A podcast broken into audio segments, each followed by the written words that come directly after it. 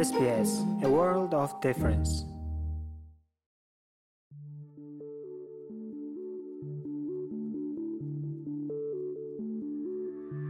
Сайн байцгаана уу хүмүүс сонсогчдоо. SBS Монгол хэлээр хөтөлбөрийн өнөөдрийн дугаарт визний асуудлаар бэлтгэсэн мэдээллийг орчуул өргөж байна. Олон монголчуудын хувьд цар тахлын улмаас Австрали улсад оршин суугаа хайртай дотны хүмүүстэйгээ уулзах чадахгүй түрээд байна. Тэгвэл коронавирусын хязгаарлалтуудын улмаас хилээр нэвтэрч чадаагүй төр хугацааны визтэй иргэдийг визний хураамжаас чөлөөлөх, эс бөгөөс хураамжийг нь буцаа олохоор болсноо Австралийн засгийн газраас зарлаад байна. Аяллаа эсвэл төр хугацааны мэрэгжсэн ажилчны виза авсан хувьд энэхүү хөтөлбөрт багтаж байгаа бөгөөд олон улсын хөлийн хориг цуслагдсны дараа виз дахин мэдүүлэхдээ хураамж төлөх шаардлагагүй болж байна.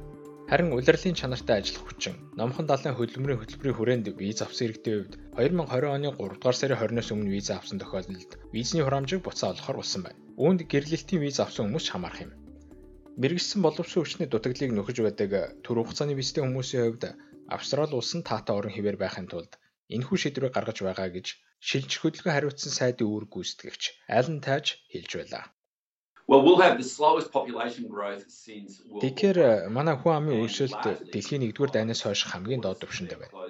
Үүний дийлэнх нь урт хугацаанд хил хаасантай холбоотой юм. Эрүүл мэндийн байдал дээрдэхтэй зэрэгцсэн хил явандаа нэгдэх нь тодорхой.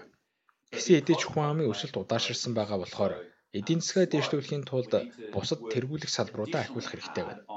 Тиймээс виз нь гарсан ч коронавирусын цар тахлын улмаас ирж чадаагүй олон мянган иргэдэд энэ шийдвэр хамаарх болно. Бидний хувьд ихэнх тохиолдолд хил нээсний дараа тэдгээр хүмүүсийг австрал ирэх боломжоор хангахын тулд тэдэнд тусгай арх олгож байна. Аяллаа визтэй хэдий ч эх орондоо байх хугацаанд визний хүчинтэй хугацаанд дууссан. Эсвэл 2021 оны 12 дугаар сараас өмнө визний хугацаанд дуусах хүмүүсийн хувьд шинээр виз мэдүүлэхдээ хураамж төлөх шаардлагагүй болж байна. Түүн чинь Австралид ирэх боломжгүй болсон. Эсбүгээс COVID-19 цар тахлын улмаас эрт нутаг буцах шаардлагатай болсон төр хугацааны мэрэгсэн ажилчны виз, төр хугацааны ажиллах визтэй хүмүүс болон Амрангаа ажиллах визээр ирсэн үүрэгчтэй аялагч нарын хувьд ч гэсэн визний хураамжаас чөлөөлөгдөхөр болсон байна. Энэ төрлийн уян хатан бодлого нь эдийн засгийн урт хугацааны сэргэлтэд дэмжлэг болно гэдгийг ноён тайж хэлж байлаа. Энэ хөтөлбөрийн зардал эх 4 жилд 275 сая доллар болно. Энэ бол тийм ч их мөнгө биш юм аа. Харин хэл бүрэн нээсний дараагаар энэ аялал жуулчлалын салбар сэрэхэд дэмжлэг үзүүлэх болно.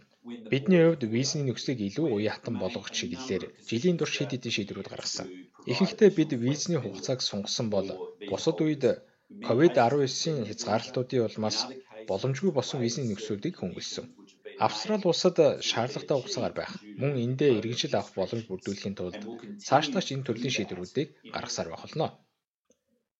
Ames Australia бол дөрвөгч орогнол хүсэгчид болон Австрали улсад шинээр сурч буй хүмүүст боловсрол олгох, сургалт хийх, ажил олгох, хүмүүнлэгийн үйлчлэгээнүүд хүргэдэг тэргүүний байгууллага юм. Тодорхойлбол тус байгууллагаас англи хэлний сургалт хийж, орчуулгын үйлчлэгээ үзүүлж, ажил зуучлагаас эхлэн суурших дэмжлэг зэргийг үзүүлж байна.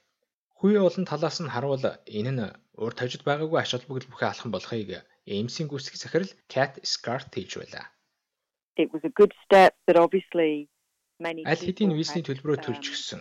Эсвэл яг Австралид эрдгийн даваан дээр байсан олон хүний хувьд маш сайн зүйл боллоо. Засгийн газраас визний төлбөрөөс чөлөөлөх эсвэл ваучер олгохоор болсон сайн хэрэг гэж бодож байна. Аяллаар эсвэл ажиллахаар гээд ямар шалтгаанаар бай хил нэгдмэгц хүмүүс ирэх боломжтой байх нь бидний хувьд маш чухал гэдэг нь ойлгомжтой. Төлбөрөө төлчгöd хүснээ авч чадаагүй хүмүүсийн хувьд хаалтыг бууруулж байгаа нь зөв алхам юм. Одоогор нийт 90 мянга орчим хүний визний өргөдөл шийдэгдэхээр хүлээгдэж байгаа болохыг ноён тайж хэлж байсан юм. Сөрөг өчнөө дотоод хэрэг хариуцсан хэвлэлийн төлөөлөгч Кристина Кеннелийн нөхөр болох Бен Кеннелитигээ 1991 онд Польшт анх танилцж байсан юм. Тэрээр нөхөртөөгөө гэрлээд 1994 онд Австрали улсад нүүж ирсэн байдаг. Төвний хувьд өнөөгийн хамтран амьдрагчийн виз гарах хугацаа маш удаан байгаад шүүмжлэлтэй хандж байгаагаа илэрхийлээд байна. I am Миний хувьд Скот Моррисон болон Ален Тайжийн захиргааны үед виз мэдээлэгүүдээ үнэхээр их баяртай байна. Учир нь 25 жилийн өмнө энэ явц маш энгийн байсан юм. Австрали улсад гэр бүлтэй болж хамтын амьдралаа босгож, ажил төрөлтэй болох хүсэлтэй хэдэн зуун хосуудад үнэхээр хүнд байгааг нь ойлгож байна. Ялангуяа Австрали хүн гадаадад хайртайгаа учрах ямар байдгийг би сайн мэднэ.